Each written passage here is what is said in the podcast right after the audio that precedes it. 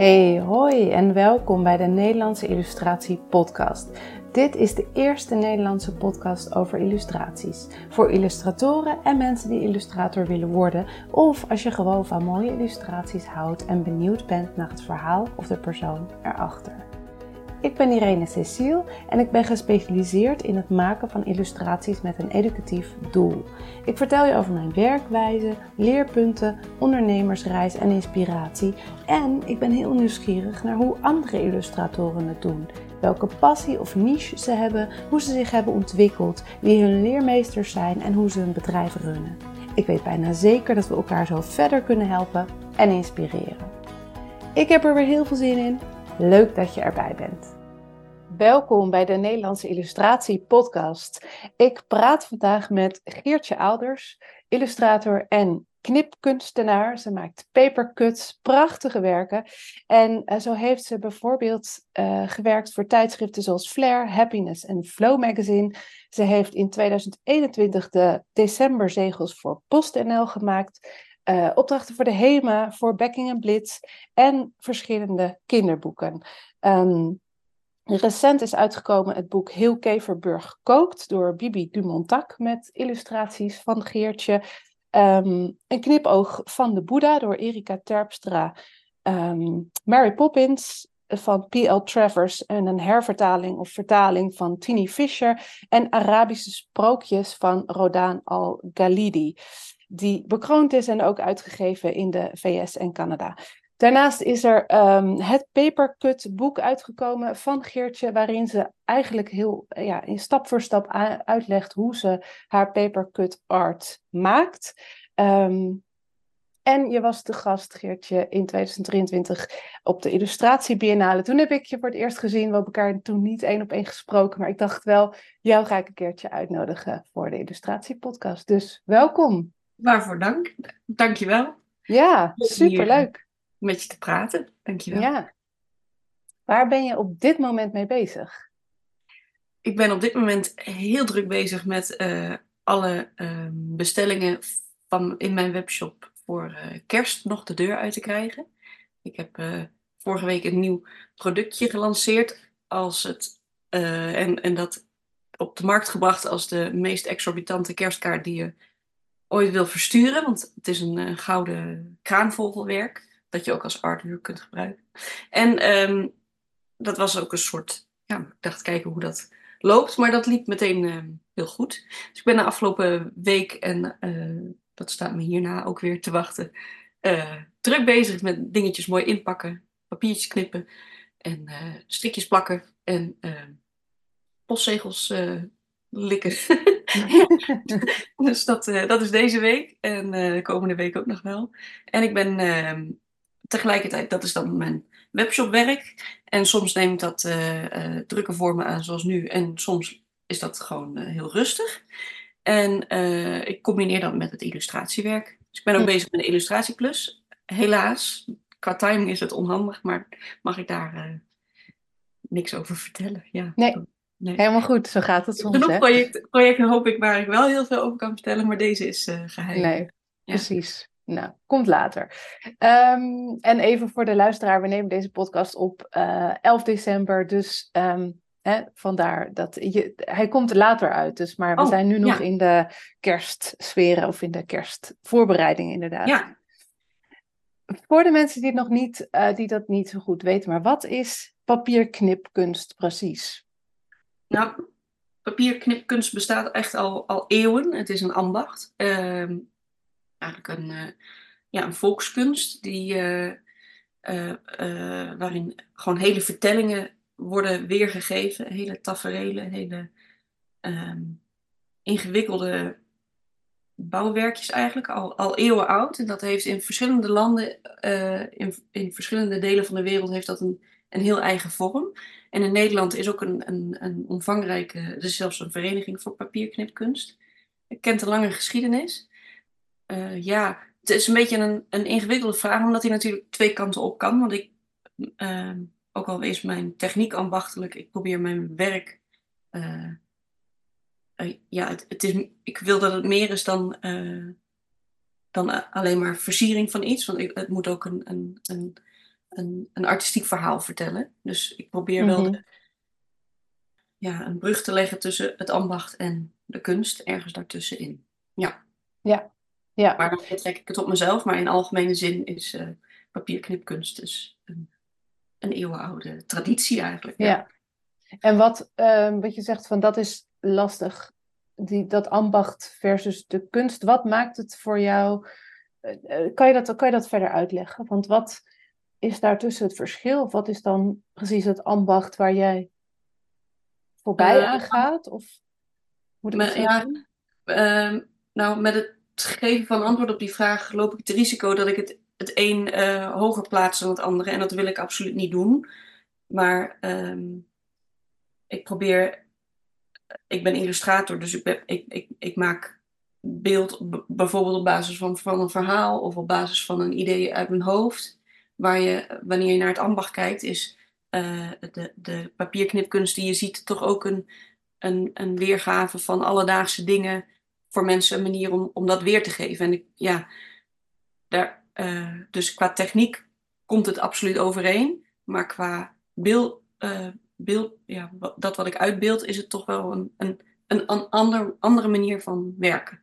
Ja, en is dat jouw illustratorstuk? In de zin dat je dus beelden maakt bij bijvoorbeeld een verhaal. ehm, en dat je op die zin, eh, in die zin dat je je dus verhoudt tot een tekst, tot een verhaal. En dat je daar iets aan toe probeert Ja. te voegen. Ja, Ja. Ja. ja, dat is een, eigenlijk wat ik wilde zeggen. Ja, precies. Nee, Ja. mooi. Ja, want je hebt. ehm, ja, nou ja. En want kan je ook zeggen waarin onderscheidt jouw werk zich van andere papierknipkunstenaars en dan andere, ofwel in Nederland ofwel internationaal, maar wat, wat typeert jouw werk precies? Nou, dus, eh, ook daar is, weer van alles eh, te, te, te onderscheiden. Als je naar eh Kara Walker bijvoorbeeld kijkt, die ook met silhouetten werkt, of Karel Kneut, die dat toch eh, naast zijn eh, olieverf ook met silhouetten werkt, zijn er al heel gauw raakvlakken. Maar er zijn ook ontzettend veel verschillen onderling, ook in, in, in, in, op inhoud en op techniek. En ik denk dat mijn... ehm, eh, dat ik een soort. Mijn, mijn, mijn specialiteit begint nu toch wel in een hoek te kruipen van. eh, heel complex. De complexiteit is denk ik wel mijn. ehm, mijn forte, of hoe zeg je dat? Mhm, Heel En, grappig. ehm, Ja, het, het is, daar zit ook meteen de, een heleboel uitdaging voor mijzelf, maar ook ehm, dat ik dingen eigenlijk natuurgetrouw probeer na te bouwen en ze tegelijkertijd niet natuurgetrouw wil laten zijn. Want ik ben niet, eh, ik wil niet de werkelijkheid representeren. Ik wil hem eigenlijk een beetje naar mijn hand zetten, laat ik het zo ja. omschrijven. Ja, ik snap het. Dus bijvoorbeeld in jouw boek, in jouw boek eh, Heel Keverburg kookt, daar heb je heel veel taferelen met allemaal insecten. Die insecten aan zich zijn heel erg natuurgetrouw. Dus de, de, de, de dieren, de bitsprinkhaan of de mestkever die je daarin, die kan je zo herkennen, bij wijze van spreken. Ja. En het is ook een verhaal met taartjes en met slingers. Ja, En Ze, ze doen dingen die, medailles. die, in, in, die beslist niet natuurgetrouw zijn eigenlijk. Ja. Nee, nee, nee. Nee, en ook als ik naar één kever of één vlinder apart kijk, dan um, het is natuurlijk altijd een abstractie van het. Uh, Ja. Hoewel je wel inderdaad heel hoog in dat detailniveau zit. Alsnog. Nou, Daar ga ik wel heel erg op los, inderdaad. En dat kan me ook niet gek genoeg. Hoe, Nee? hoe, hoe complexer, hoe eh, meer ik zit te gillen van blijdschap. Ik vind het, ja, daar zit een heleboel eh, plezier in. Ja, En tegelijkertijd moet ik me er ook niet op. eh, het is een uitdaging in de zin dat ik het voor mezelf steeds complexer maak. Maar het is ook een uitdaging in de zin dat ik me daar niet helemaal op moet blindstaren. Omdat het, eh, dat het niet ten koste gaat van de inhoud van eh, de illustratie zelf. In totaal. ja, Dus bijvoorbeeld bij het maken van Heel Kevenburg kookt, was ik eh, oorspronkelijk van plan om alles, werkelijk alles, tot de grasprietjes op de achtergrond, tot de, de, de, de beelden die je in de wolken kunt zien op de achtergrond, om alles van papier te maken. Maar terwijl ik dat aan het doen was, kwam ik erachter dat je daarmee eigenlijk de, de focus, dat de focus verloren gaat die je in een illustratie toch ook nodig hebt. Dat je ogen vanzelfsprekend naar bepaalde dingen toe worden gelokt. Als je alles zo complex maakt of zo, dan weet je gewoon niet meer waar je moet kijken. Dus er zit uh, beide kanten op uitdaging voor mij. Excuus. Ja. ja, dat snap ik. Omdat ik me ook kan voorstellen dat als je. Ehm, maar dat weet ik niet. Dat, dat zou mijn neiging zijn. Dat als je te complex, te veel in de complexiteit gaat, dat je ergens ook ehm, dan de eigenheid van het papierknippen kwijtraakt. Nou, is dat een duidelijke vraag? In de zin van. Nou, wat ik wel merk is dat mensen bijvoorbeeld uh, bij die uh, heel, heel natuurgetrouw nagemaakte insecten, mm-hmm. dat ze dat het ja, nou loop ik het risico dat ik arrogant klink, maar dat, ik, dat het zo natuurgetrouw eruit ziet dat mensen eigenlijk een beetje eroverheen kijken dat het überhaupt helemaal niet werkelijk een vlinder of werkelijk een, een beest is, maar dat die uit een heleboel, heleboel kleine stukjes bestaat. Precies. Omdat het zo om ja. niet meer voor te stellen is voor mensen dat ik dat werkelijk met de hand heb gemaakt, dat ze dan eroverheen kijken. Ja. niet ja. geloven. En, en ik heb zelfs wel eens een, een illustratie aangeleverd aan een tijdschrift. En dat ze zeiden, ja, we vonden de, uh, eigenlijk de oorspronkelijke schets mooier. Want nu heb je voor het eindresultaat heb je het gefotoshopt. En dat ik, ik had het dus blijkbaar zo mooi gemaakt. Ja, dat klinkt ook weer stom. Maar ik had het zo mooi gemaakt dat, dat ze dachten dat het niet echt was. Ja, en je dus- had het helemaal niet gefotoshopt? Nee, natuurlijk niet. Nee, Dat, is, dat, was een soort uh, vloeken in de kerk Photoshop. Ja. dus nee.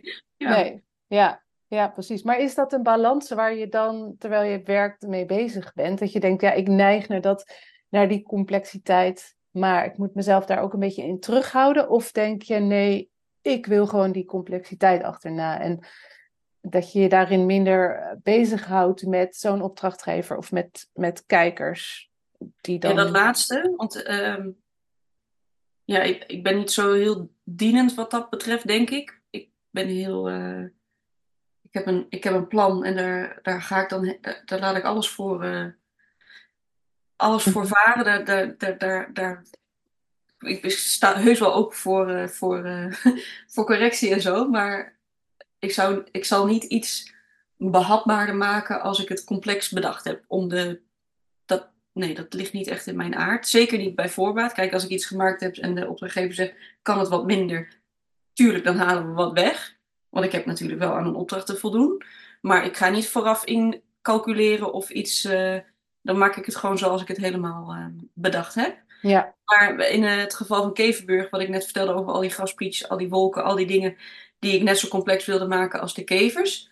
Uh, daarbij kwam ik er uh, tijdens het proces zelf achter dat dat helemaal niet een, een, een, goede beslissing was om dat op die manier te doen. Omdat het er gewoon niet uitzag zoals ik had gewild. Dus toen moest ik op zelf ingrijpen in mijn proces. Ja, en wat zijn dan, want ik heb dat eerlijk gezegd niet zo opgemerkt, maar wat zijn dan in, heel Keverburg gekookt? Wat zijn daar de dingen die je dan niet van papier hebt gemaakt?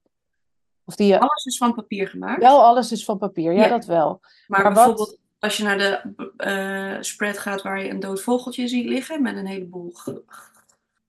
Zie je een tafereeltje, een doorkijkje. Ja. Um, ja, precies.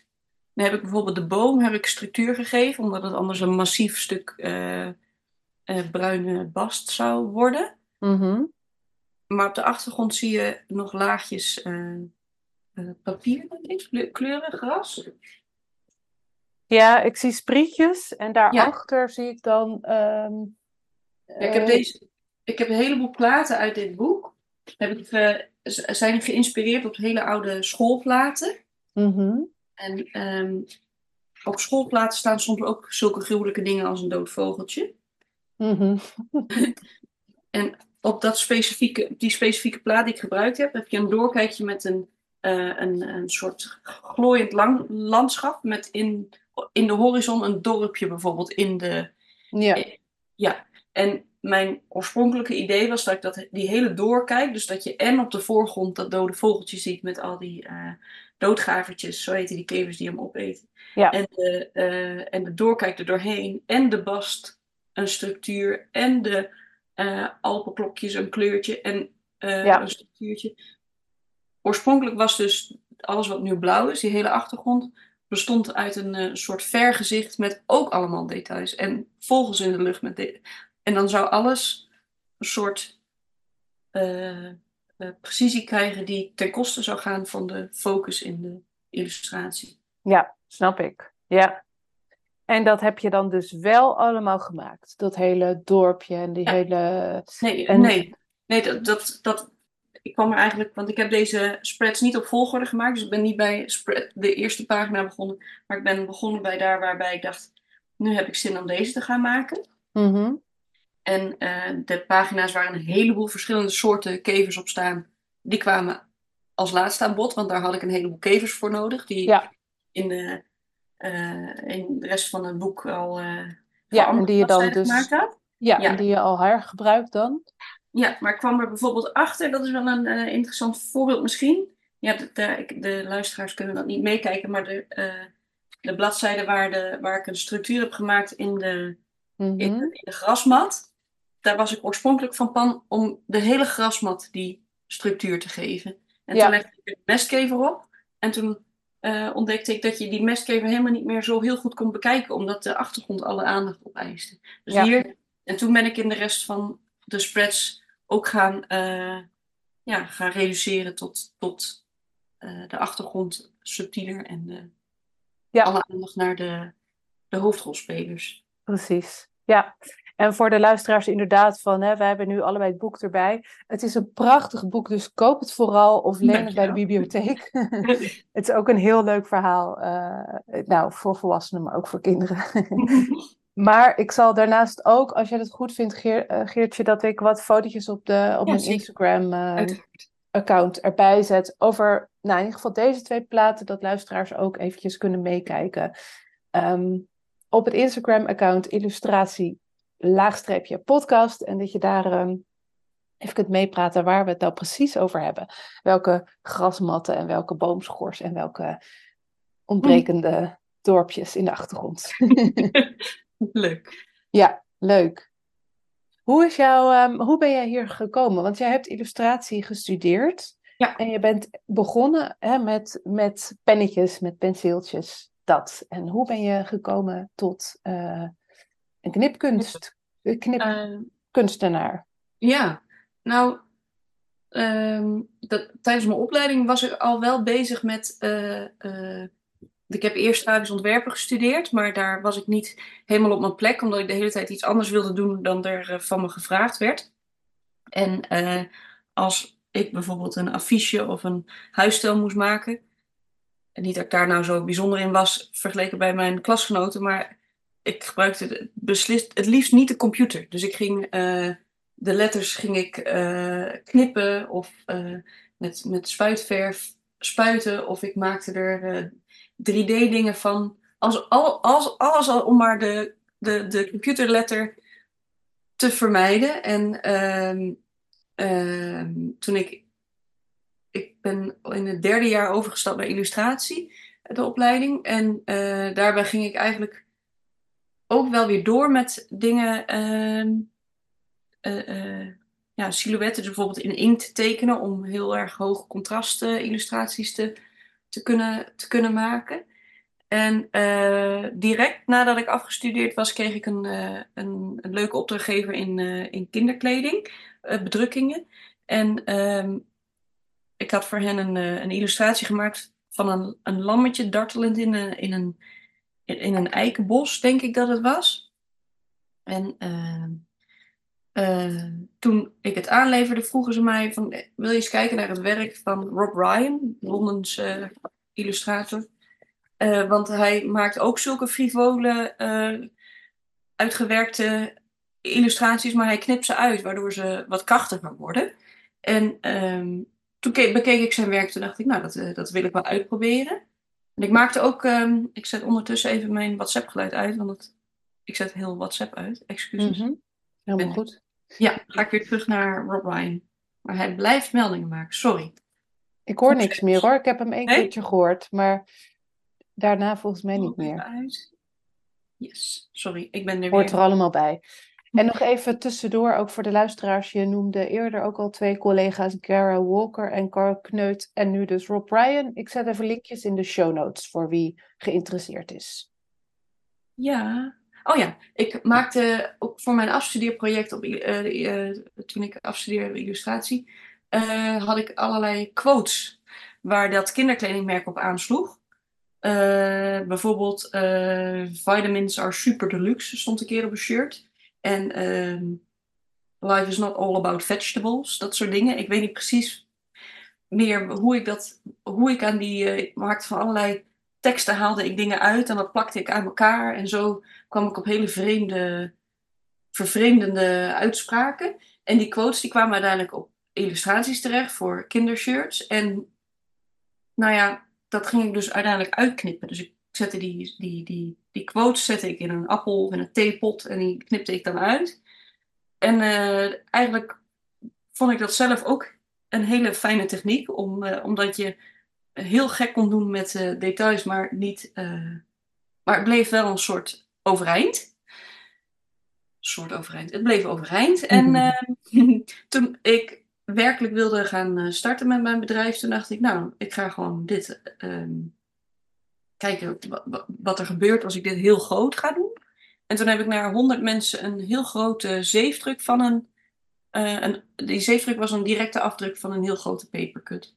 En zo uh, kwam ik bijvoorbeeld bij Sanoma, destijds de, de grote bladenuitgever, in de boeken als de.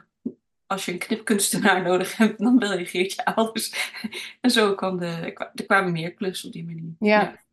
En ook en dat ik wel eens bijvoorbeeld na mijn uh, zwangerschapsverloven, dat ik dacht, nou, ik moet weer eventjes, eventjes uh, in, in, de, in de picture komen. Dat ik dan weer grote uitgeknipte dingen rond ging sturen naar mensen. Zo oh ja, oh ja, voor knipkunst moeten we bij Geert Houders zijn.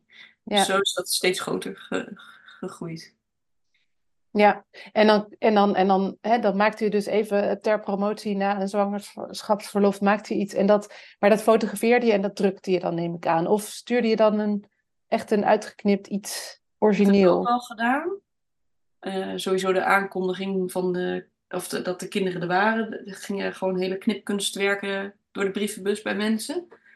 Uh, maar die kwamen niet per se bij opdrachtgevers terecht, alleen bestaande. Maar bijvoorbeeld die, uh, die grote zeefdruk, toen ik begon met mijn werk, die grote zeefdruk, dat was een, uh, een A1 formaat, uh, nee 100 bij 70 zeefdruk, in papier. Maar de, de originele papercut was ook zo groot. En die kon ik gewoon in zijn geheel op de gas, glasplaat leggen om dan vervolgens inderdaad te zeefdrukken. Dat is wel, zeefdruk is wel een hele dankbare manier om een papercut te reproduceren natuurlijk. Ja, precies. Het is al een film. En dan stuurde je je uh, gewenste potentiële opdrachtgever, stuurde je dan dus een A1 zeefdruk op. Ja, helemaal, helemaal honderd keer gevouwen. Nou, zo vaak als ik hem kon vouwen. Mm -hmm. en, uh, want ik, ik ben wel uh, gecharmeerd van het verrassingseffect. Mm -hmm. Dus je denkt, wat, wat ligt er nu dan op de deurmat? En dat je het openklapt en nog een keer openklapt en nog een keer openklapt. En dan nog een keer openklapt, klopt, klapt. Tot je uiteindelijk denkt, oh, er zit een heel grote in. Daar had ik, uh, ja, ik dacht, ja, ik weet niet, daar. Uh, Superleuk. Hiervan het idee dat, dat, dat mensen dan uh, iets op de mat krijgen waar ze nog iets mee moeten. Of waar ze even iets langer mee bezig zijn dan van de brievenbus naar het oud papier lopen, zeg maar. Ja, ja. ja en, maar tegelijkertijd ook best wel um, flink out of the box. En ook best wel gedurfd om zoiets rond te gaan sturen. Ja, de, over um, of het wel of niet um, gepast of um, al gedaan is, daar hou ik me eigenlijk nooit mee bezig. Ik krijg gewoon een idee en dan denk ik, oh ja, leuk, dat ga ik doen. En terwijl ik het aan het doen ben, denk ik, waar ben ik nu dan aan begonnen? Want het is vaak veel meer werk dan ik uh, uh, ervoor uh, had vrijgepland. Mm -hmm. Maar het, het, is altijd het is gewoon een feestje, omdat we die natuurlijk poppen. Ja, precies. Ja. En je zei net, als, uh, hè, dus dan, dan op een gegeven moment stond jij bekend als, als je een knipkunstenaar nodig hebt, dan moet je Geertje Aalders hebben. Wanneer, heb je, dat, heb je een idee van wanneer denken tijdschriften bij een bepaald artikel, hierbij hebben we knipkunst nodig in plaats van een illustratie? Nou, uh, als ik bijvoorbeeld de opdracht, ik heb veel opdrachten voor, uh, voor Flow uh, uit, uit, mogen voeren. Flow mm -hmm. als, als de illustratie een sprookjesachtig karakter nodig had, dan werd ik bijvoorbeeld gevraagd bij Flair Idem. daar heb ik aan de kerstspecial bijvoorbeeld meegewerkt. Bij Margriet ook de kerstspecial. Dus, dus toch een beetje die ja, magische sprookjesachtige bostaferelen, als het daarbij past. Ja. ik heb ook bijvoorbeeld een keer bij een artikel over. Uh, uh, waar ging dat over? Het was een heel serieus artikel. Over pech hebben, geloof ik. Maakte ik een illustratie. En dat miste gewoon zijn doel. Dat, dat kwam niet goed bij elkaar. Nee. Dat is dan toch, ben je toch beperkt in je, destijds in mijn uh, uh, illustraties uit één laag papier. Waar ik nu bijvoorbeeld voor Kevenburg met honderden lagen papier werk. Ja, precies. Was dat voor een redactionele illustratie niet, uh, niet genoeg om zoveel inhoud uh, te kunnen weergeven tot een geschikte illustratie? Ben ik zelf, ja, denk dat ik dan beter andere dingen kan. Ja, ja, precies. Ja, maar dat is wel mooi wat je zegt. Dus dat die, die sprookjesachtig of dat magische, dat dat is eigenlijk meer dat dat de dingen zijn die, die zich goed lenen voor papierknipkunst. Ja, terwijl ik ook voor uh, verschillende opvoedbladen, ouders van nu was dat bijvoorbeeld, had ik iedere, bij iedere uitgave had ik een, uh, een, vaste pagina. En daar kon ik dan in, dat waren ook serieuze onderwerpen, opvoedkwesties of ja, eigenlijk opvoedkwesties, daar kwam het altijd op neer. Mm -hmm. Dan gebruikte ik meer lagen en dan foto's maakte ik van die illustraties. En daar kon ik dan, daar kon ik dan wel mijn, mijn boodschap in kwijt. Dus ja. ja.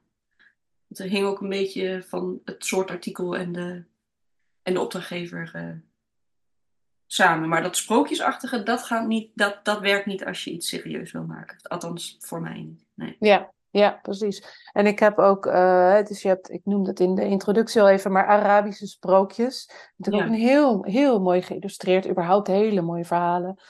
Um, ja, dus ik, ik, ik snap het wel heel goed. En ook Mary Poppins en uh, de, een knipoog van de Boeddha, wat ja, natuurlijk ook wel een beetje in dat magische. Het is een soort magisch verhaal. Ja, um, ja. Het, wel, uh, ja, het raakt allemaal wel. Het krijgt allemaal een tik mee van een, een, een sprookje of een. Uh, ja. Mm -hmm. ja. ja, mooi. Ik breek heel eventjes in in dit gesprek, want ik wil eventjes je aandacht vestigen op iets waar ik al langere tijd mee bezig ben. Misschien weet je het al, misschien wacht je al met smart en misschien heb je er nog nooit van gehoord. Dus ik ga het je even vertellen. Ik ben bezig met het ontwikkelen van een online cursus um, genaamd prijsbepaling en licenties voor illustratoren. En in die cursus vertel ik je alles over auteursrecht, over licenties, over uurtarieven, over kortingen, over prijzen. Eh, de prijzen die jij kunt vragen voor jouw illustraties en voor jouw licenties enzovoorts. Um, en de reden, die cursus, op het moment dat deze podcast live komt in februari 2024, is die cursus nog niet beschikbaar. Ik ben er nog druk mee bezig. Ik ben wel bijna klaar, maar ik ben er heel enthousiast over. Ik weet zeker dat je er, eh, nou, dat je er heel veel aan kunt gaan hebben.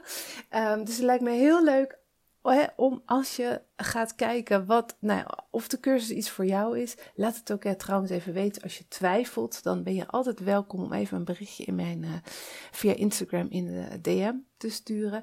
Maar als je nou denkt, oh dat lijkt me wel wat, um, schrijf je dan in voor de wachtlijst van de cursus. Want als je je inschrijft voor de wachtlijst, um, dan geef ik jou op het moment dat de cursus online komt een fijne wachtlijstkorting voor de cursus. Dus dan kun je de, de, de cursus met korting kopen. Nou, daarvoor, om dat te doen, ga je eventjes naar de, naar de website irenesisiel.com en dan het menu kopje voor illustratoren en daar selecteer je dan prijsbepaling en licenties voor illustratoren. Nou, daar vind je het linkje naar de website, naar de wachtlijst. Als je deze aflevering later luistert, dan ehm, vind je daar gewoon de cursus en kun je hem daar direct kopen. Nou, wat ga ik allemaal in de cursus bespreken? Nou, natuurlijk hoe uh, bepaal je je prijzen? Wat vraag jij voor je illustratie of voor een heel project? Um, mag je eigenlijk wel vragen, geld vragen voor iets wat je super leuk vindt? Dus er zit ook een stukje mindset in. Als je daar moeite mee hebt, um, met welk prijsmodel ga je werken? Is je prijs niet te hoog? Is je prijs niet te laag? Wat zijn gangbare prijzen als je werkt voor, uh, als je hè, wil gaan werken in submarkten, zoals voor kinderboeken, zoals voor tijdschriften, voor kranten? Um, en natuurlijk het stuk hoe gaat het over, hoe gaat het met auteursrecht? Hoe werkt het precies met gebruikslicenties? En hoeveel moet je daarvoor, hoeveel moet je rekenen als je een gebruikslicentie verstrekt? Hoe verstrek je zo'n licentie? Hoe werkt dat? Um, wat als je klant auteurs auteursrecht overdracht wil? Wat reken je dan? Wat doe je daarmee? En uh, wat als een bestaande klant, of als, een, als iemand een bestaande illustratie wil gebruiken? Hoe werkt het verder met royalties, met voorschotten? Zet je je prijzen op je website ja of nee? Hoe eh, stel je een offerte op die echt overtuigt en waar heel veel mensen ja op zeggen? Hoe ga je om met meerwerk? Um, hoe, hoe ga je ermee om als je een contract krijgt van een uitgever of van een opdrachtgever? Dus een contract dat je niet zelf opstelt.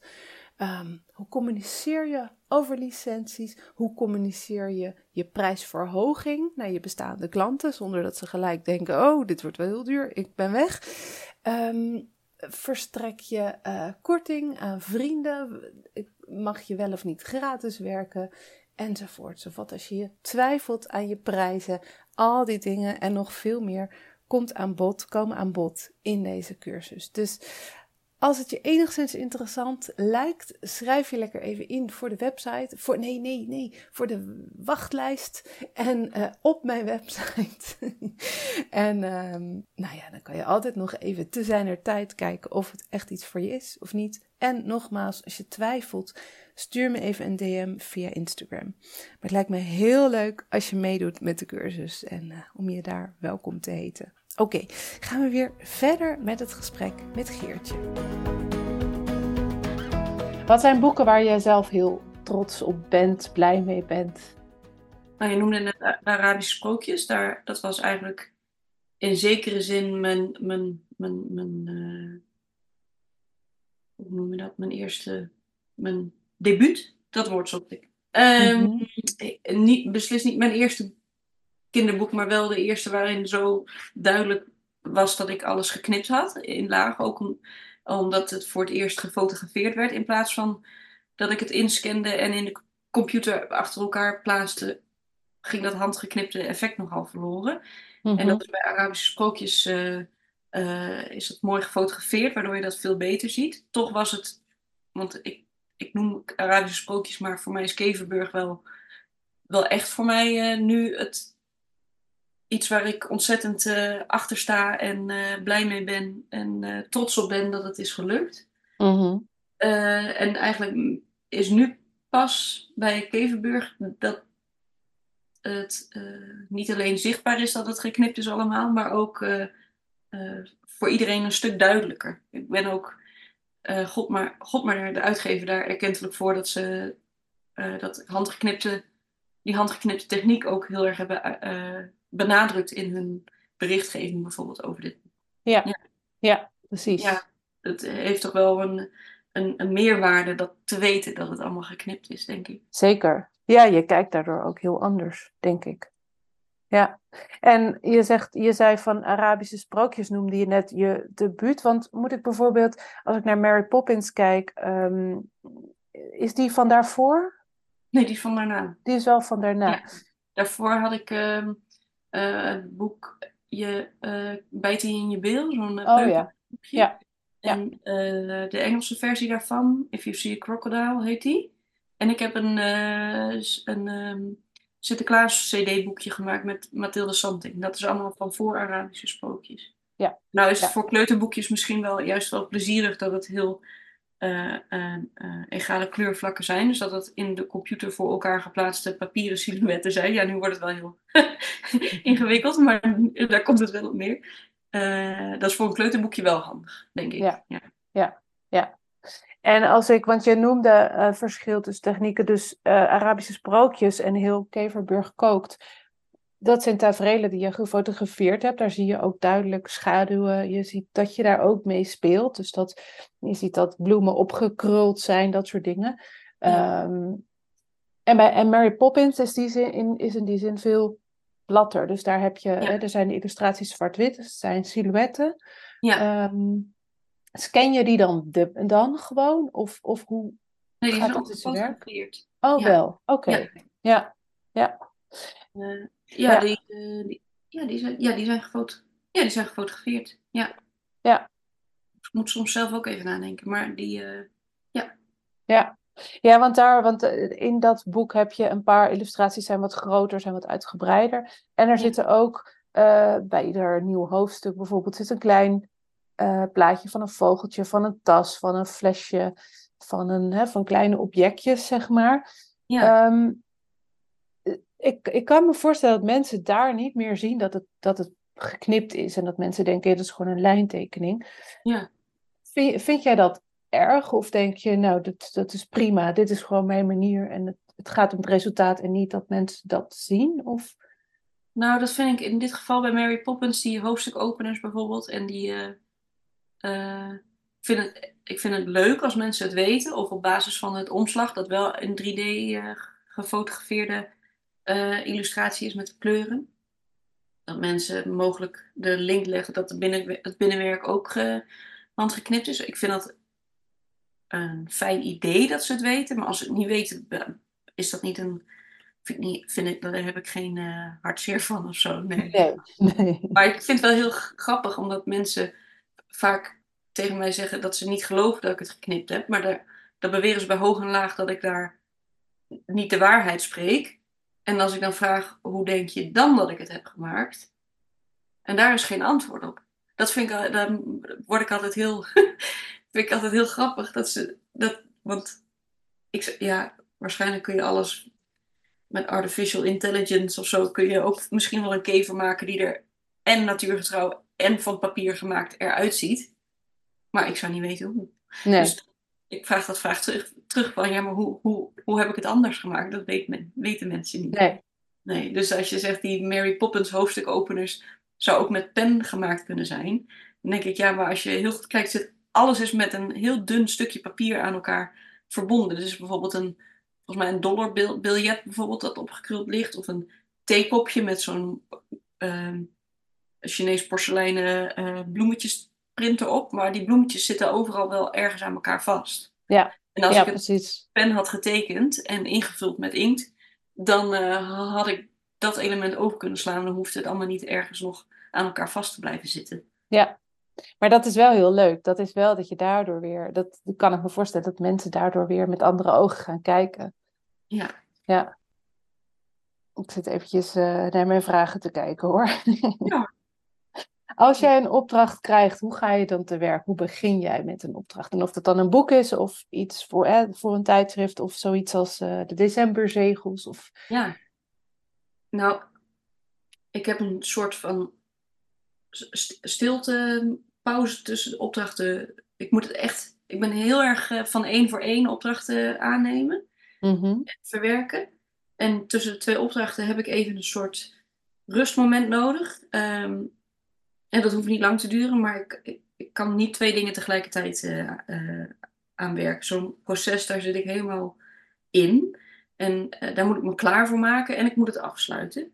Mm-hmm. En dat klaarmaken doe ik door bijvoorbeeld ehm, me helemaal als een soort maloot me helemaal in te lezen in het onderwerp, als er, als er een onderwerp is. Of nou ja, diep de boeken in. Of naar de, naar de, naar de hortus reizen om een uh, plant te bestuderen of naar een expositie gaan van iets dat verwantschap heeft met dat wat ik moet doen. Dus op die manier me innestelen in, uh, in de klus. En uh, ik moet hier altijd echt schoon schip maken. Dus echt, mijn atelier moet een soort blanco canvas worden om ja, weer eigenlijk iedere keer weer opnieuw te kunnen die, die al die draadjes in mijn hoofd met elkaar te verbinden. Ja. Dat is denk ik. En dan eh, ga ik vervolgens een heleboel schetsen. En eh, een heleboel nadenken. Een heleboel opzoeken. Een heleboel afwegen. En ehm, eh, ja, mijn techniek leent zich niet zo heel lekker voor, voor schetsvoorstellen bijvoorbeeld. Omdat de, een potloodversie van wat ik uiteindelijk ga knippen ligt heel ver uit elkaar. Dus ik, ik vraag nogal wat van de opdrachtgever als ik hem een schets stuur of haar. Uh, omdat je heel erg naar moet kijken met een papercut bril op. Mm dus soms maak ik ook wel een, een papieren, een, een papercut voorstel voor iets. Of ik verzamel ouder werk en leg dat in elkaar en maak er foto's van, zodat er een betere voorstelling gemaakt kan worden van wat het uiteindelijk zal worden als ik mijn idee uh, uitwerk tot papercut. Ja, zo ga ik te werk. Ja. ja. En dan heb je, of dan, dan kom je met zo'n schets, potlood of al een beetje in papier. Ja. Um, is, dat, is, is dat vaak al genoeg dat mensen dan zeggen: Oké, ga maar uitwerken? Of moet daar dan, dan soms nog iets helemaal anders in?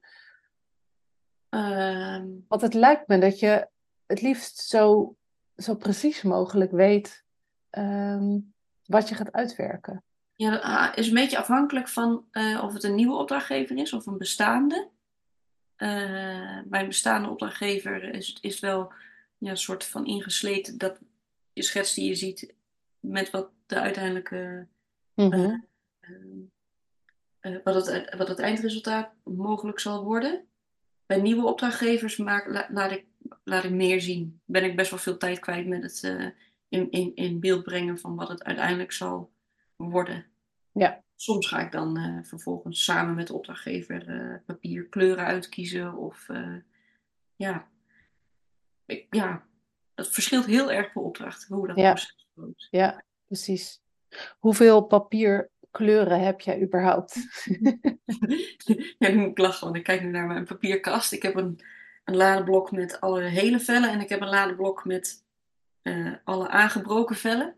Maar ik sleur echt uit de gekke hoeken sleur ik een kleurtje als ik denk van hé, hey, het is echt precies goed om de, uh, uh, de, de, glimmer op dit kevertje weer te geven. Dan trek ik ergens een papier uit of de binnenkant van een envelop kan dat zijn. Of, ik kan niet vertellen hoeveel kleuren papier ik heb en eh, hoe ze, de, de status van het papier. Want soms bewaar ik echt een afgescheurd zo'n klein stukje. En dat ik denk, ja, je weet nooit waar het van pas kan komen. Mm La voor alles in de blauwe range en alles voor in de oranje-gele range. En zo heb ik voor iedere, snip, iedere snipper heeft zijn eigen la zo ongeveer. Ja, ja. ja heerlijk. ja, leuk. Ja. En je gebruikt nooit papier met een structuur, hè? Of tenminste met een, wel met structuur, maar niet met, ehm, ik zeg maar wat, een landkaart of zo. Met, met een opdruk al. Nee. Nee. nee dat is ook weer een hele... Dan trek je weer een heel blik andere mogelijkheden open. En, en uh, daar wil ik eigenlijk niet naartoe. Nee. Ook omdat ik... Uh, ja, je ziet toch collega's die ook wel in de collage techniek uh, terecht zijn gekomen. En daar wil ik eigenlijk bij uit de buurt blijven. Niet omdat ik daar. Ik wil gewoon niet dat mijn werk op andermans werk gaat lijken. Nee. Nee, en ik denk ook dat dat juist de charme is van jouw werk. Dat je juist al die mooie, effe kleuren bij elkaar. Dat dat, uh, en, en daarin dan juist die precisie en die details. Ja, ja. nou, ik heb het uh, bijvoorbeeld uh, de, de boomstam die is omgevallen op de eerste spread van Kevenburg. Mm uh, mos opgemaakt door er heel dik filtig mosgroen papier op te plakken en dat er vervolgens weer af te scheuren, zodat het een beetje een zachte effectje heeft. Ja. Waardoor de uitgever vroeg van, hey, ben je nu gaan schilderen? Maar ik zei, nee, het is nog steeds papier. Maar dat was dus blijkbaar doordat ik die techniek had gebruikt om het een beetje een zacht, poederig moslaagje effect te geven, uh, was ik eigenlijk mijn eigen techniek aan het onder. Uh, uh, hoe noem je dat? De, ja, ik, ik, trok mijn eigen techniek in, twijfel door dat op die manier te doen. Ja. En ik kan me ook voorstellen dat als ik bijvoorbeeld papier met een, waar een bedrukking op staat of waar een structuur in zit, dan wordt het heel lastig voor de mensen de mensen thuis. Ja. om te bepalen van heeft ze het nou wel of niet geknipt. En dan ah ja, haal ik mijn eigen geloofwaardigheid naar beneden. Dus ik gebruik inderdaad het liefst gewoon egaal gekleurde vellen papier die ik uh, aan flarden knip en scheur en uh, Ja. Ja. En je verft dus eigenlijk nooit. Dus als ik eh, op diezelfde eerste spread zo'n kever zie met hele, hele precieze glimmertjes in het wit Ja. op zijn schild. Dat zijn ook allemaal kleine stukjes papier. Ja, je wijst nu de regenboog, eh, of het- een bladgoudhaantje aan, een rozemarijnkever heet die ook. En Mhm. heeft een, eh, die, die heeft niet een gewone glans zoals een, eh, zoals een spiegelei, maar heeft een beetje een, een, een hij heeft kleine deukjes in zijn schildje, waardoor hij een soort disco-effect glans heeft, di- disco-bol-effect. Dus in plaats van allemaal ronde stipjes op de plek waar die glimt, heb ik er allemaal vierkante pa- stukjes papier op geplakt Mhm. zodat hij als een soort discobal licht weerkaatst in plaats van als een spiegelei. En als ik er nu naar kijk, in het boek zijn die stippeltjes, nou wat zal het zijn? Ehm een derde millimeter bij een derde millimeter. Misschien wel een vierde of een vijfde millimeter. Wat Is dit ware grootte? Ja, die, ja, die kever is. Ja, dit is ware grootte. Ja. Ik heb alle spreads zo groot gemaakt als dat ze in het boek moesten komen. Ja. En eh, ehm, hier heb ik dan heel dunne strookjes papier van gesneden. En die heb ik vervolgens eh, kort geknipt. Dus als je van een strookje papier een heel klein Ja. stukje af, dan hou je een vierkantje over. En hoe plak je ze dan op zo'n schildje? Nou, de stroken die ik snij, die heb ik dan alvast eh met de achterkant met dubbelzijdig tape ingeplakt. En dan, En dan met een pincetje. neem het puntje van mijn mes, prik ik ze erop. Ja. Ja, ja, want ze moeten niet random. Ze moeten wel echt op die bepaalde plekjes komen. Ja. Ja. ik zit even het gewoon met te, te, te in te leven hoor. En dat ik denk, zit je niet de hele dag zo helemaal voorover op je... Ik heb al twee keer een, eh, een, eh, een, eh, nogal specifieke blessure opgelopen met dit werk. Nou, meerdere keren, maar twee keer dat het mijn ogen aanging. Omdat ik, in het, het wordt hier, ik werk op, op de derde verdieping. En de tweede verdieping bedoel ik. De, de, ja, niet uit. de zolder. de zolder. En ehm, het kan hier echt. De, hoogste wat ik gemeten heb was 38 graden in een hittegolf. Toen was ik met het boek voor de, de- met Erika Terpstra, het Boeddha, Boeddha boek bezig. En toen Mhm. zat ik zo met mijn neus erop en je ogen zijn de hele tijd aan, aan het uitpuilen om zo scherp te kunnen kijken. En eh vergroten daar, daarmee vergroot je in feite de oppervlakte van je oog.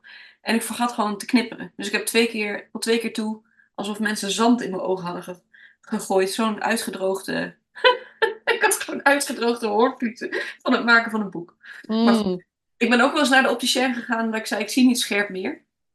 Toen bleek dat ik een eh, zicht heb van 120%. Dus ik, zij zei: Je hebt mogelijk de best getrainde ogen van Nederland. Omdat ik zo de hele tijd met mijn neus bovenop mijn werk zit. Ja, dus ik hoef Ja, geen. wat goed. Dat scheelt Nee. dan. Nee. Maak je daar wel eens zorgen over? Dat als je ouder wordt, dat het toch iets achteruit... Want je bent er wel ook heel afhankelijk van. In ieder geval wordt Ja. dat wat je nu maakt. Eh, ja, daar maak ik me eigenlijk geen zorgen over. Want dat heeft toch niet zo gek veel zin. Nee, dat is ook zo. En, En dan, nou eh, ja, ik, eh, eh, wa- wat op, mijn ogen zullen allicht met de leeftijd achteruit gaan. Maar eh, ik hou ze liever gewoon lekker getraind zoals nu. en dan hoop ik dat ze het nog heel lang goed doen.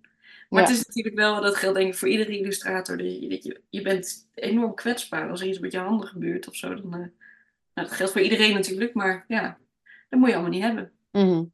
Nee, precies. Nee. Toen op de illustratiebiennale eh, vertelde je ook dat je een tijd ziek bent geweest. Ja. In hoeverre of op welke manier heeft dat invloed gehad op je carrière? Of kan je daar wat meer over vertellen? Nou, mijn carrière is, eh, het is nog, eh, het is nu, eh, ik had lymfeklierkanker, dat is nu drie jaar geleden. En eh, ehm, ja, wat dat voor invloed heeft op mijn carrière, dat moet ik denk ik uiteindelijk op de lange termijn kan ik dat misschien achteraf beoordelen. Nu ja, ondervind ik er zelf wel problemen van. Dat ik, want ik heb een heel intensieve chemokuur gehad. Dat heeft invloed op je, het functioneren van je hersenen. En daarmee dus ook op je functioneren qua werk. Maar voor mijn carrière, ja, dat weet ik niet. En dan, ja, net als met me zorgen maken om mijn ogen. Het, dat, dat is wat het is. Dus ik, ik ben al heel blij dat ik dit werk uh, nog steeds, of eigenlijk weer kan, uh, kan doen. Mm-hmm. ja. ja. maar wel één voor één. Dat is wel uh, een effect daarvan. Want tegelijkertijd, dan wordt het, dat, dat is lastiger te overzien. Ja. Kon je dat daarvoor wel, voordat je ziek werd? beter. Ja. Ik vond het alsnog fijner om zo'n proces helemaal op zichzelf te laten zijn en niet afgeleid te worden door dingen daartussendoor. Uh, dat vind ik sowieso een fijne manier van werken. Maar nu is het eigenlijk de enige, de enige manier van werken die, die werkbaar is. ja. ja. Ja, precies. Ja. En was dat, eh, want eh, zo'n zo'n ziekte overvalt je ook, is dat, was je toen bezig met iets of niet? Of was dat... Uh, uh, ja, was nou, ja, ik ben, ik ben uh, eigenlijk een soort plotseling met spoed opgenomen. Ik was, ik was ineens heel erg ziek. En heb toen een half jaar lang ben ik in behandeling geweest. En ik heb daarna een jaar moeten revalideren. Uh, dus dat is een behoorlijke periode waarin ik wel um, um, door ben. Ik heb wel door proberen te werken. En um, deed bijvoorbeeld werk. ik blies mijn, mijn webshop nieuw leven in, zodat ik op die manier niet al te diep creatief na hoefde te denken, maar wel aan het werk kon blijven met behapbare dingen. Maar ik kreeg, uh, terwijl ik ziek was, kreeg ik de vraag of ik de decemberzegels wilde maken voor het jaar daarna. En zo'n kans laat je niet liggen. Dus ook al was, mhm. dat misschien nog niet, was ik daar misschien nog niet aan toe, ik dacht, ja, dat, dat ga ik gewoon, dat ga ik gewoon wel doen. ja. ja. Dus, ja, dat heb ik tijdens mijn revalidatie gemaakt. Ja. En ging dat goed of was dat misschien ook juist wel fijn ergens? Of? Nou, het was, uh, dat ging heel goed. Uh, en ook meteen gewoon weer, want ik, mijn, mijn illustratiewerk, dat ik werk fulltime, dat heb ik toen soort zoetjes aan uh, iedere week wat meer tijd erbij. Heb ik dat opgebouwd en mogelijk sneller dan uh, iemand me zou adviseren van tevoren. Maar uiteindelijk, ja, die training die je daarmee je hersenen geeft en je lijf, ja, het heeft goed uitgepakt. Ik was daarna wel weer helemaal, of terwijl ik dat aan het doen was, wel weer, kwam ik er wel weer bij. En ik vond het ook heel fijn om te merken dat ik, toen ik eenmaal creatief wilde gaan nadenken over hoe ik die zegels wilde gaan maken, dat die functie nog niet, dat die functie niet was stuk gegaan. Dus dat dat allemaal nog werkte. Dat gaf me eigenlijk ook wel vleugels om, de, om dat helemaal te ver volmaken toen. Ja, ja, ja precies. Ja. ja, wat ik kan me ook voorstellen. En natuurlijk ben je op zo'n moment gewoon bezig met ziek zijn, met beter worden en met je lichaam. Maar um, de, hoezeer jij in je werk duikt en ook in de voorbereidingen je helemaal inlezen. Je noemde het volgens mij manisch net. Ehm, dat dat ook iets is wat je heel erg gaat missen op het moment dat je dat gewoon niet kan. Nou, uh, ja, ik heb bijvoorbeeld, maar dat is, ik wil gewoon altijd dingen maken. Maar uh, ik was wel zo stondziek dat ik echt vooral bezig was met uh, mijn gezin en, en zorgen dat ik het kon navertellen. En mijn werk was daar echt hoe ik ook leef voor wat ik doe. Uh, voor de illustratiewerk, dat is, ik vind het het geweldigste wat er is. Maar op het moment dat je zo strontziek bent, is, heeft, is het echt van ondergeschikt belang of je wel of niet iets kan gaan maken. Ja, nee. ja precies. Ja. Ja. Als jij um, weer even overschakelen hoor. Als je eenmaal iets, hè, als je denkt ik ga nu een kevertje of een doodgravertje of wat dan ook, of een vlindertje maken. Knip je veel? Is het snijden? Hoe, of heb je verschillende manieren van. ehm, Het is allemaal, eigenlijk allemaal snijden. Oké, gebruik de schaar niet. nee. Nee. Nee, Nee. nee. Eigenlijk helemaal niet. Ik heb een schaar om eh, lintjes af te knippen, maar verder gebruik ik overal mijn mijn mes voor. Ja, Ja. een kleine, eh, het is een penmesje, een hobbymesje, een scalpel. Heeft Mhm. verschillende namen. Ja. En, ehm, ehm, ik gebruik er eentje die ik echt al heb vanaf dat ik een heel jong kind was. Ik kreeg het van mijn oma. En het is het fijnste mesje. Ik gebruik wel eens een andere omdat ik eh, denk, nou, misschien is het wel eens goed. Maar er is geen mesje zo fijn als het mesje dat ik eh, heel lang geleden kreeg. Ja. En dan zet ik ieder, soms wel ieder kwartier een nieuwe, nieuw mesblad in. Zo, zoveel, ehm, als ik echt iets heel eh, ingewikkelds aan het maken ben. Mhm. Ja. En hoe vaak, want ik zie, ik zag in jouw, ehm, nee, in heel Keverburg gekookt ook van je, je hergebruikt af en toe insecten of bloemen ehm, Ja. van de ene prent dan weer in een prent later in het boek. En ook bij Arabische sprookjes eh, komt dat voorbij. Of zie, zie ik inderdaad bloemen meerdere keren in verschillende vormen terugkomen. Heb je ook wel eens dat je denkt, voor het ene boek maak ik een bloem en ik bewaar hem ergens in de kast. En misschien komt die voor een ander boek nog eens van, toepa- van, van pas. Nou, Ik ben er eh, in die zin, mensen willen wel eens originele van me overnemen. En dan ben ik daar a- terughoudend in, omdat ik denk, je weet nooit waar. want ik, ik ben weken met één springhaan bezig. En als ik die dan de deur uit heb, kan ik hem nooit weer nog eens inzetten. Ehm, en in dit geval, eh, grappig genoeg, waren de insecten die ik oorspronkelijk maakte voor Arabische sprookjes, want die hebben ook hoofdstukopeners. Daar zitten insecten op, Mhm. eh, eh, op die hoofdstukopeners. En die, daar had ik zo'n plezier in dat God maar de uitgever ook zei van zullen we niet een heel boek met alleen maar insecten maken. En dus zij waren een soort de springplank voor uiteindelijk voor Kevenburg. En dat is ook wel de reden dat ze van mij een, een ereplekje kregen in het boek waar ze eh, de aanleiding voor waren geweest. Dus nou zeg ik het verkeerd om. Maar goed, eh, hopelijk is het nog duidelijk. Nee. Nee, niet. heb, je, heb je die kevers dan weer hergebruikt in heel Keverburg ja, precies. Ja? Ja. Oh ja, wat leuk. Wat leuk. Ja, precies. Ik zie nu inderdaad ook eh koninginnen, koningspage. Ik weet niet welke van de Ja. twee het is. Ja, ja. Oh, Ja, wat leuk. ook- dat is dan ook wel de, de aanleiding geweest dat ze terug mochten komen om zich opnieuw te laten zien. Maar verder vind ik het wel. eh, kijk, het is mooi als. Er zit een spread in Arabische sprookjes waar een, eh, een, bijvoorbeeld een, eh, een Ixie van is gemaakt, die in de, in de collectie van Ixie zit, die wand, wandtegels. En eh Becking Blitz heeft een hele stationary lijn uitgebracht met illustraties uit Arabische sprookjes erop. Dus als op die manier mijn illustraties worden hergebruikt voor een eh breder publiek, dan vind ik dat, eh, ah, eh, juich ik dat alleen maar toe. Ja, Ik probeer wel, wanneer ik een boek maak, in algemene zin, probeer ik wel dan helemaal from scratch iets nieuws te gaan maken. ja. Ja. En het komt natuurlijk ook uiteindelijk, komt dat het altijd ten goede. Dat je niet te veel gaat denken in wat heb ik nog, maar hey, Ja, wat heeft dit boek nodig? Ja. Tuurlijk, ja.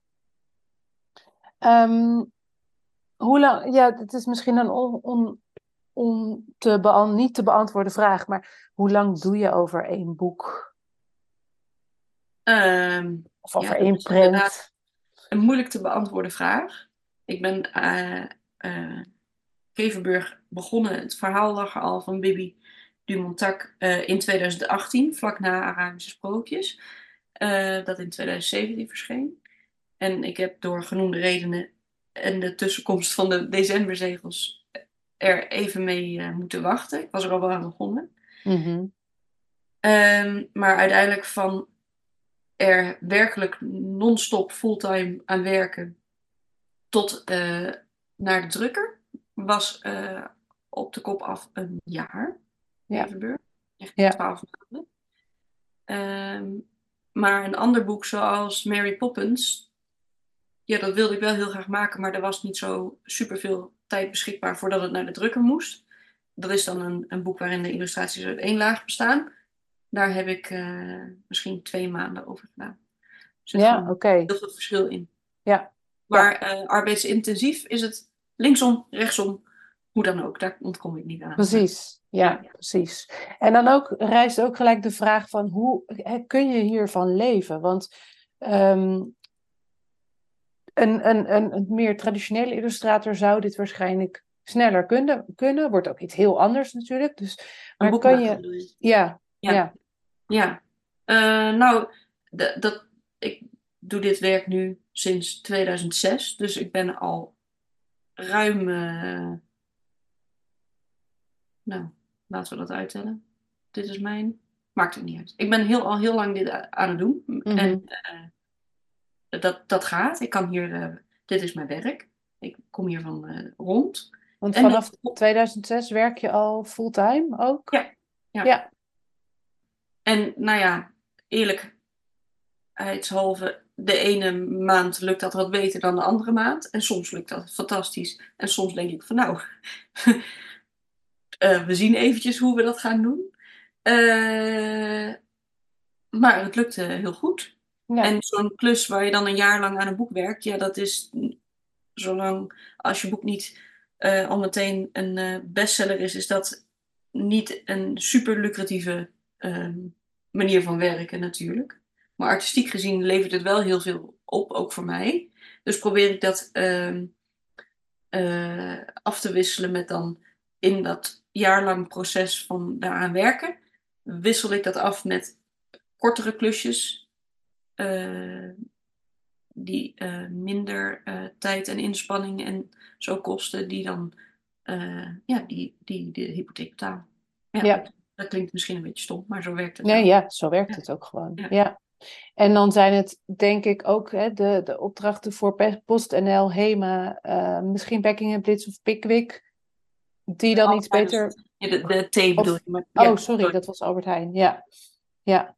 Die dan denk ik beter betalen, waardoor je eh, inderdaad eh, de hypotheek kunt betalen. Ja, ja. Ja, ja. Maar nu, eh, de, eh, zoals de PostNL-klus was, dat voelde bijna als het maken van een boek qua verhaal. En be- ben je ook meer aan doen dan alleen maar iets versieren. Ben je ook op de inhoud echt wel, wel bezig. En dat Mhm. is, daar ben ik in, dat was toch ook wel, nou, ik denk misschien wel vijf maanden al met al dat je daarmee bezig bent. Ja, Dus dat, ja, die, dat zie ik minder als een eh, commerciële tussendoorklus hoor. Dat was wel echt een Ja. opstaande eh, klus op de inhoud voor mij. Ja. ja, ja. Want hoe gaat zo'n opdracht dan?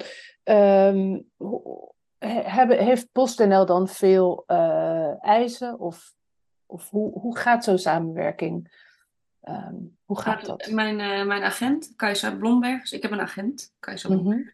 En zij heeft ehm, bij wijze van een, eh, een pitch, heeft ze mijn werk als ware met een postzegel gestuurd naar eh, PostNL. En zo kreeg ik die, uiteindelijk die, die klus, die, die mooie opdracht binnen. Ik vind het zelf heel, een heel eervolle opdracht. Mhm. Nou, ja, dan bespreek je met de opdrachtgever van, nou, wat, wat, er is een soort, altijd een soort van thema en je eh, bespreekt met elkaar wat, wat wenselijk is en eh, wat, wat er niet op kan. Dat is bij postzegels. het is een hele, hele brede doelgroep natuurlijk, dus je hebt ook wel rekening te houden met wensen. Mhm.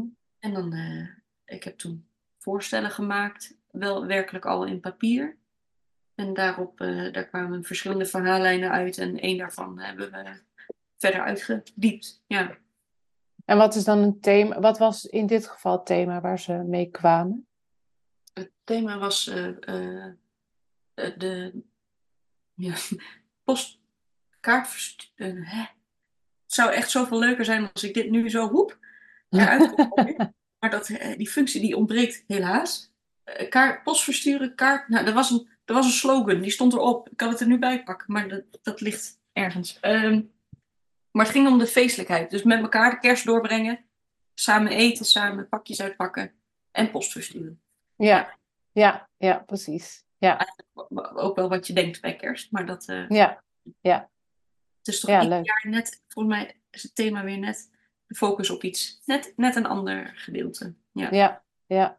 Ja, en het lijkt me ook inderdaad best wel lastig, inderdaad, dat je zegt van het is een enorm grote doelgroep, zoveel verschillende mensen met achtergronden en die, die dit wel allemaal hè, leuk moeten vinden en Ja. op hun kaart moeten, moeten willen plakken. Ja, ja en wat de een eh, aan beeld, eh, ik bedoel, de, de een denkt direct aan, aan kerstengelen en de andere denkt aan eh gebraden kalkoen, maar je moet voor ieder eigenlijk een soort eh, iets, eh, vinden dat aanspreekt.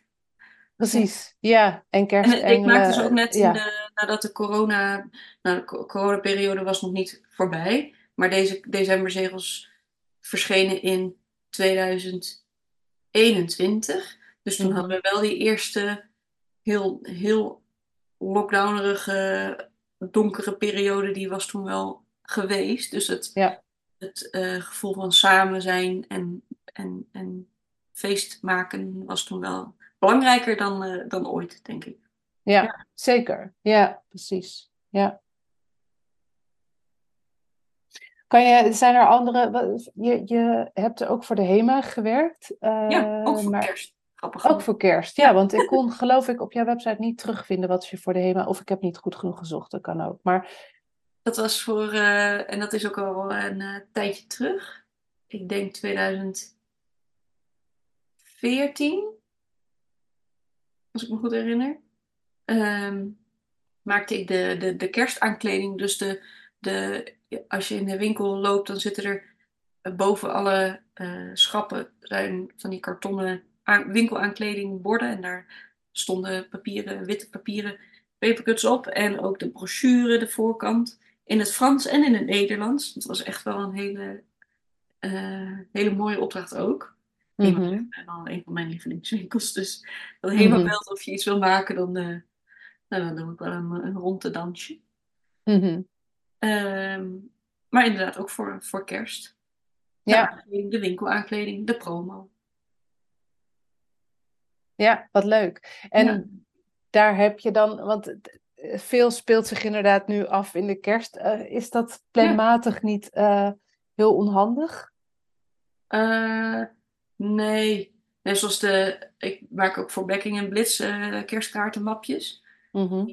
Zijn vaak in maart al eh, afgerond. Ja, En eerder bijvoorbeeld als ik voor de bladen eh, kerst, kerstillustraties maakte. Voor Flow heb ik wel wat voor kerst gedaan en voor Flair dus ook. En voor, nou ja, voor meerdere bladen. Dat, is, al- dat speelt zich allemaal in de zomer af. Dus dat laat zich wel redelijk plannen. ja, precies. Ja, ja. En dit soort opdrachten, is het eh, steeds jouw agent, Kasia Blomberg, die dit regelt voor jou? Of komen bedrijven of, of eh, uitgeverijen ook zelf op jou af? Hoe gaat dat? Eh, nou, in, in de regel benaderen ze Kajsa. Ja, Ja. overlegt Kajsa met mij of het iets is dat ik, dat ik op dat moment wil doen of eh, hoe we daarop reageren. Dat is allemaal in overleg. mhm. Ehm, en dat is voor mij ook wel de meest plezierige manier van werken. Want eh, wat ik eerder zei over één ding tegelijk kunnen doen. Ik vind het. Ik raak dan zo afgeleid als er een opdrachtgever eh, met een mooie klus komt, terwijl ik nog met de andere mooie klus eh, bezig ben. Dan, ja, ik ga liever als een soort kluizenaar door met mijn werk, terwijl iemand anders dan voor mij kaf van het koren scheidt en eh, eh, ja, daar, eh, daarover nadenkt. precies. Ja, Ja. ja. En hoe ben je ooit die samenwerking aangegaan? Dat was toen ehm, eh, Arabische sprookjes de plas overging.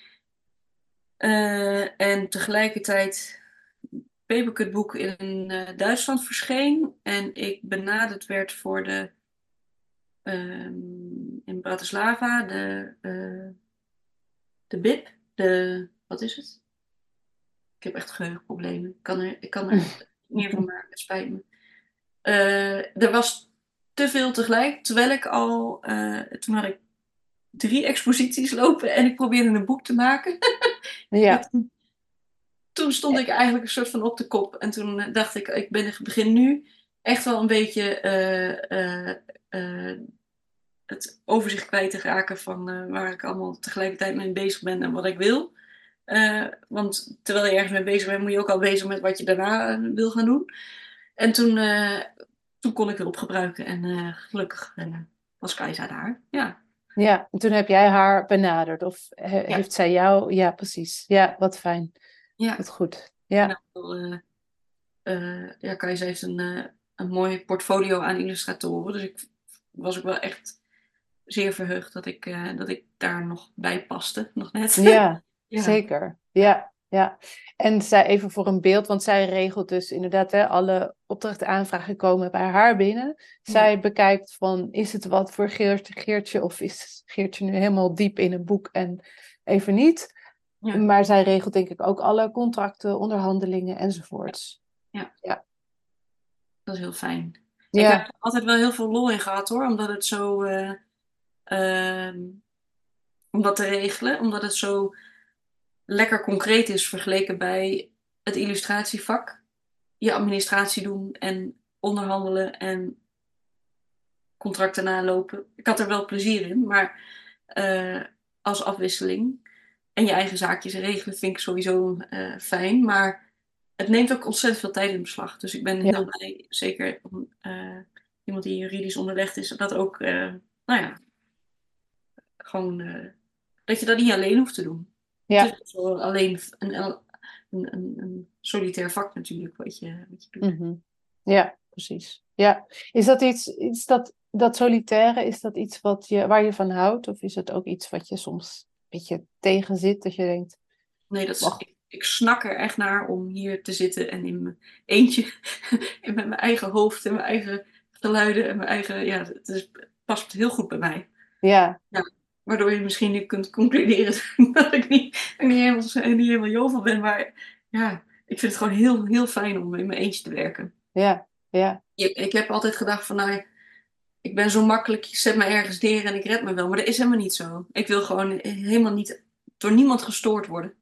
Dus als mhm. ik hier de deur dicht trek, hoor ik ook verder niks. Ik heb heel dik glas en heel veel licht. En dan zit ik hier gewoon te werken tot het af is. Ja, ja heerlijk. Ja, ik snap het helemaal. Maar oh ja? Ik, oh, ja, ja, ik denk heel veel collega's met ons hoor.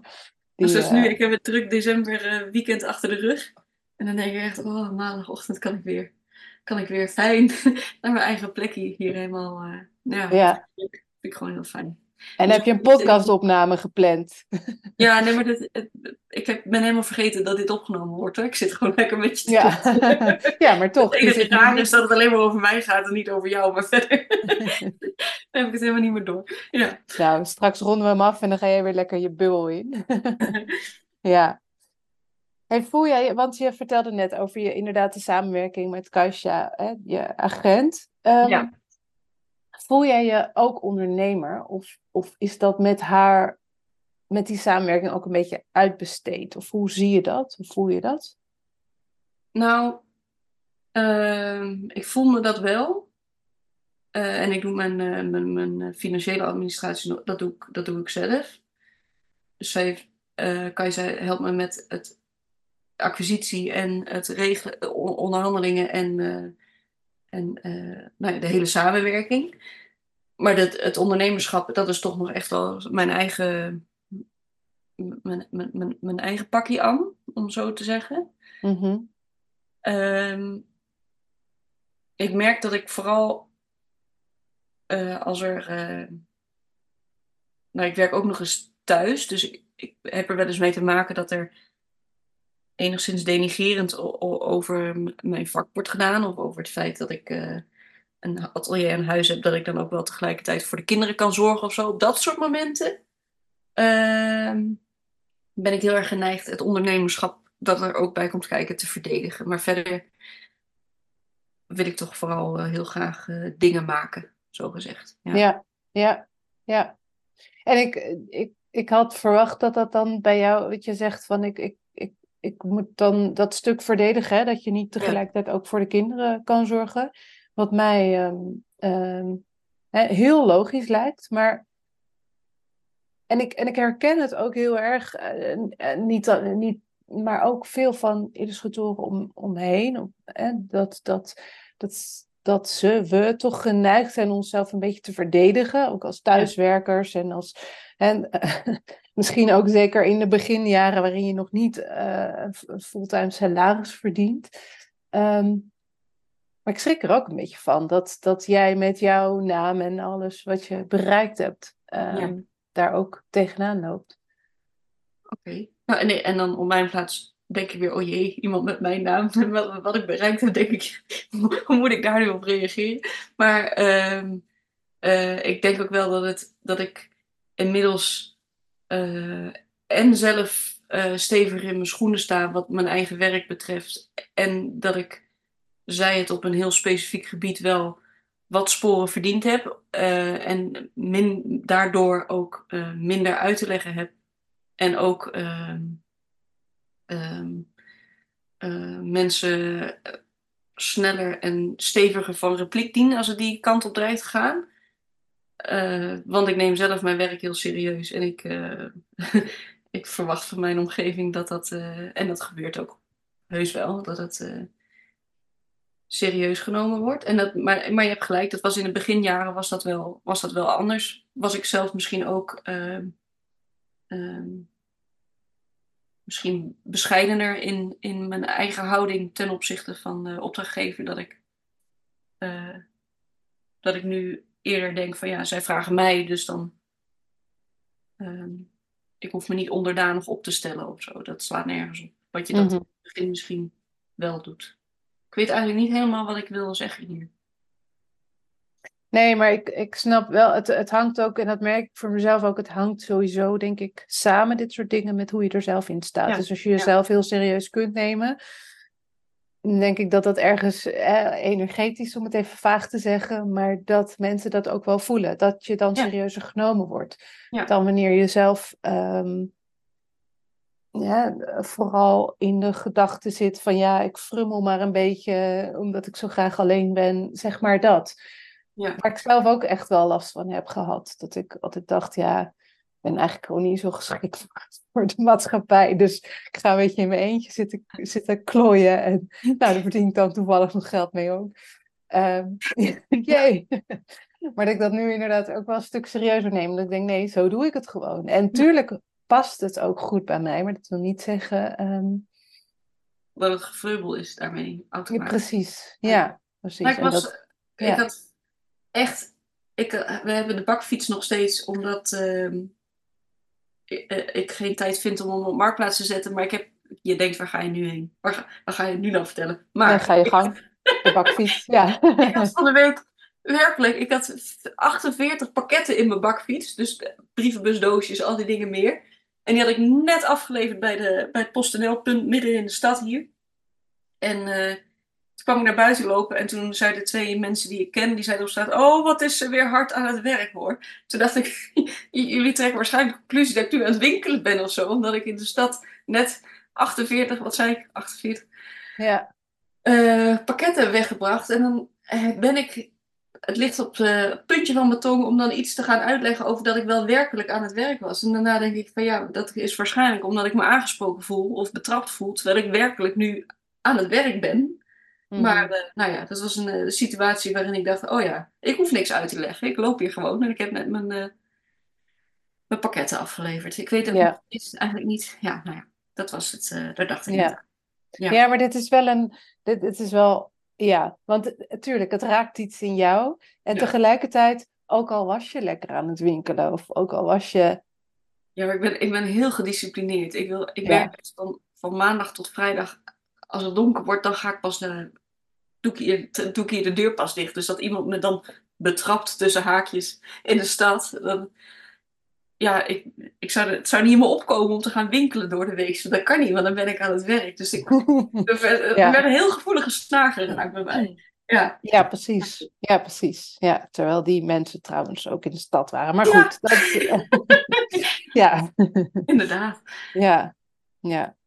Hey, hoe, want je, je uh, refereerde net naar een hè, naar eh, eh, vroeger toen je nog wat onzekerder was en wat minder hè, voor je werk ging staan, om het even zo Ja. te zeggen. Zijn er dingen die jij nu aan je jongere zelf zou willen zeggen, waarvan je denkt, oh, dat, als ik dat toen van mezelf gehoord had, dat Nou, had me wel geholpen. ik eh, dacht er pas aan toen ik het werk van een kunstenaar zag. Van wie is dat? Amerikaanse illustrator die bloemen maakt.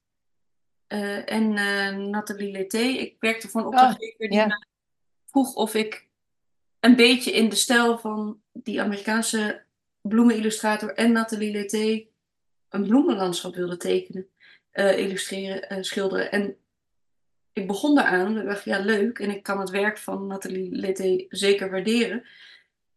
En dat ik daaraan begon en ik kreeg het gewoon niet, ik kreeg het gewoon niet voor elkaar. Terwijl ik, ehm, als ik maak wat ik zelf wil maken, ik zorg er wel voor dat ik voor elkaar krijg wat ik bedacht heb. Daar, linksom, rechtsom, daar gaan we. Mhm. Ook al wordt het midden in de nacht, het moet gewoon lukken. En dat ik dus in andermans stijl aan het werk ging. En dat ik die, die gedrevenheid en die, eh, die, ja, die megalomane obsessie dat het allemaal moet zoals ik bedacht heb. Dat die eh, niet opging toen ik andermans werk probeerde te imiteren.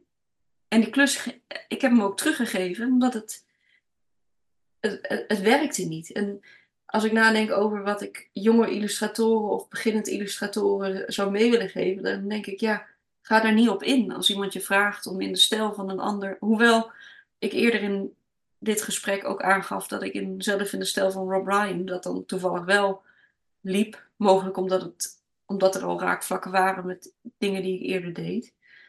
Eh, maar ik zou zeggen, blijf gewoon bij je, je eigen voorliefde voor, voor een bepaalde stijl of techniek. En dat betekent niet dat je nooit een uitstapje mag maken, maar laat je niet in een, een een jas aantrekken van een, van een andere maker of zo, als, als die je niet past. Dat, zou, dat is gewoon zonde van je, van je, van je. Want ik werd daar ook onzeker van. Ik dacht, ik, ik kan dat helemaal niet. Maar hoe, maar waarom kan ik dat helemaal niet? Maar dat, Mhm. was, dat, het- dat, was, dat was niet wat ik doe. Ja, Dus eh, ik weet niet of dat een, ehm, een, een eh, heel concreet advies is, maar nou ja, bl- blijf gewoon bij waar je zelf naar neigt in plaats van daar wa- wat een ander van je wil of zo. ja, ja, ja, mooi. En het is ook natuurlijk zoals iemand zegt, zo eh, bloemen zoals Nathalie Leté. Zij heeft ook weer een hele andere stijl. Als ik aan haar werk denk, denk ik juist, het is heel schilderachtig en met veel kwast. Hè, dat je de kwast, zeg maar, ziet. Ja. En de, ehm, dat is gewoon heel anders dan jouw werk. En natuurlijk kan er wel een link tussen gemaakt worden, maar je wordt dan gedwongen om heel erg te gaan kijken naar werk van een ander, wat niet, en je daartoe te verhouden. Dat, Ja, dat, en je hoeft dat allemaal niet helemaal niet. eh, je kunt het heel mooi vinden en er kunnen inderdaad raakvlakken zijn of overeenkomsten, maar dat betekent niet dat je dat ook maar eh, eigen hoeft te maken of zo. nee, Wat iemand anders dat wil, dat slaat nergens op. nee, precies. Nee. Wat zijn eh, opdrachten of, of, of projecten waar je heel graag nog een soort droomopdrachten, droomprojecten? Nou, ik ehm, ehm, heb eigenlijk altijd al eh, dingen in, voor in huis willen maken. Of, eh, eh, want ik, ik heb prints gemaakt, bijvoorbeeld hier achter me zie je de, in- inpakpapieren. Laat- Mhm. Ja, je laat Die heb ik zelf eens op, op beurzen en zo behang aan de muren geplakt. Mhm. En ik vind dat zo tof eruit zien zelf. Dat ik denk, ik zou het heel vet vinden als naast de XI, waarin je een illustratie op de tegels ziet, maar dat je ook eh, gordijnen en, en kussens op de bank of behang op de muur. Allemaal, ik denk dat het een heel eclectisch effect zal hebben, maar dat je, zo, eh, dat je het in huis ook ziet. Zo Mhm. groot. Dat lijkt me heel mooi. Ja, Dus eh, daar, daar, daar zie ik nog wel mogelijkheden in. En ik heb een, een zelf, los van mijn werk, heb ik een liefde voor raar keramiek. Ik hou van eh, scheve, geknutselde, gekleide, bonkige aardewerk eigenlijk. Mhm. Kleuterachtig. Daar zie ik Mhm. ook wel opties om daar een keer iets mee eh, te maken of te doen. En dan Ja. zelf keramiek maken of kera- keramiek bedrukken met jouw werk? Of hoe moet ik dat zien? Dat allebei. Ja. Ik heb zelf servies van eh eh Tort Boontje. Dus ook een, een eh, eh, iemand die ik zie als grote inspiratiebron. Ook omdat zijn werk zo eigenlijk ook zo frivol is, maar hij doet er zulke grootse dingen mee. Dat vind ik echt heel eh, hele, hele hekwerk en hele installaties buiten ook. En, en zo groots. Dat vind ik heel, eh, heel tof. En ik heb zijn servies en dat, het, het is zo krachtig terwijl het zo fijntjes is. Dat vind ik heel, heel tof daaraan. Ja, mooi. Wat leuk. Leuk. Ja. Heb jij nog laatste, voordat we afronden, nog een laatste iets om mee te geven aan luisteraars? Of nog een tip of nog een iets anders of iets wat gewoon nog niet genoemd is? Nou, ik, ik, dat, ik vind het altijd heel lastig als me zoiets gevraagd wordt. Want ik kan misschien. eh, ik denk, dit zijn van die dingen waarvan ik later dan dit, dit luister en dan denk ik, daar had je dit moeten zeggen. Ik kan Hmm. het niet zo heel goed verwoorden op het moment zelf. Ehm, en dat spijt me, want het zou echt veel, het zou veel leuker zijn als ik nu een heel mooie quote of ehm, tip had. Maar dat lukt me niet zo goed. Dat spijt Dan laten we hem lekker zitten. Oké. Helemaal goed. En, eh, en misschien als je later nog denkt, oh, dit moet erbij, dan schrijf je mij even een mailtje. En dan zet ik hem er nog in de show notes bij. Nou, misschien nu, je, nu ik er nog. Nu, ja. Eh, want toen ik vertelde over die. eh, helemaal aan het begin van ons gesprek over die, die zeefdruk bijvoorbeeld die ik rondstuurde. En dat jij vroeg.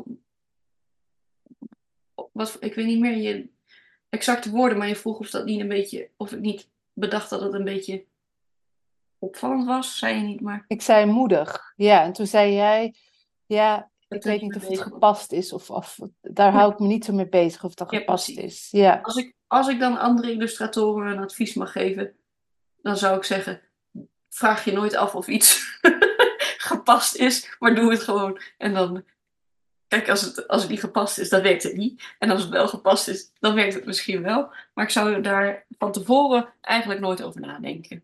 Zie, heb ik toch iets gezegd. Dus nou, ik vind hem heel mooi. Dus lekker, lekker bold iets eruit gooien. Als jij Ja. er enthousiast over bent, dan, eh, dan maak je lekker een A1 zeefdruk die je heel klein opvouwt en Ja. mensen stuurt. gewoon Of vooral lekker iets heel anders wat je zelf bedenkt. Ja, ja, klopt.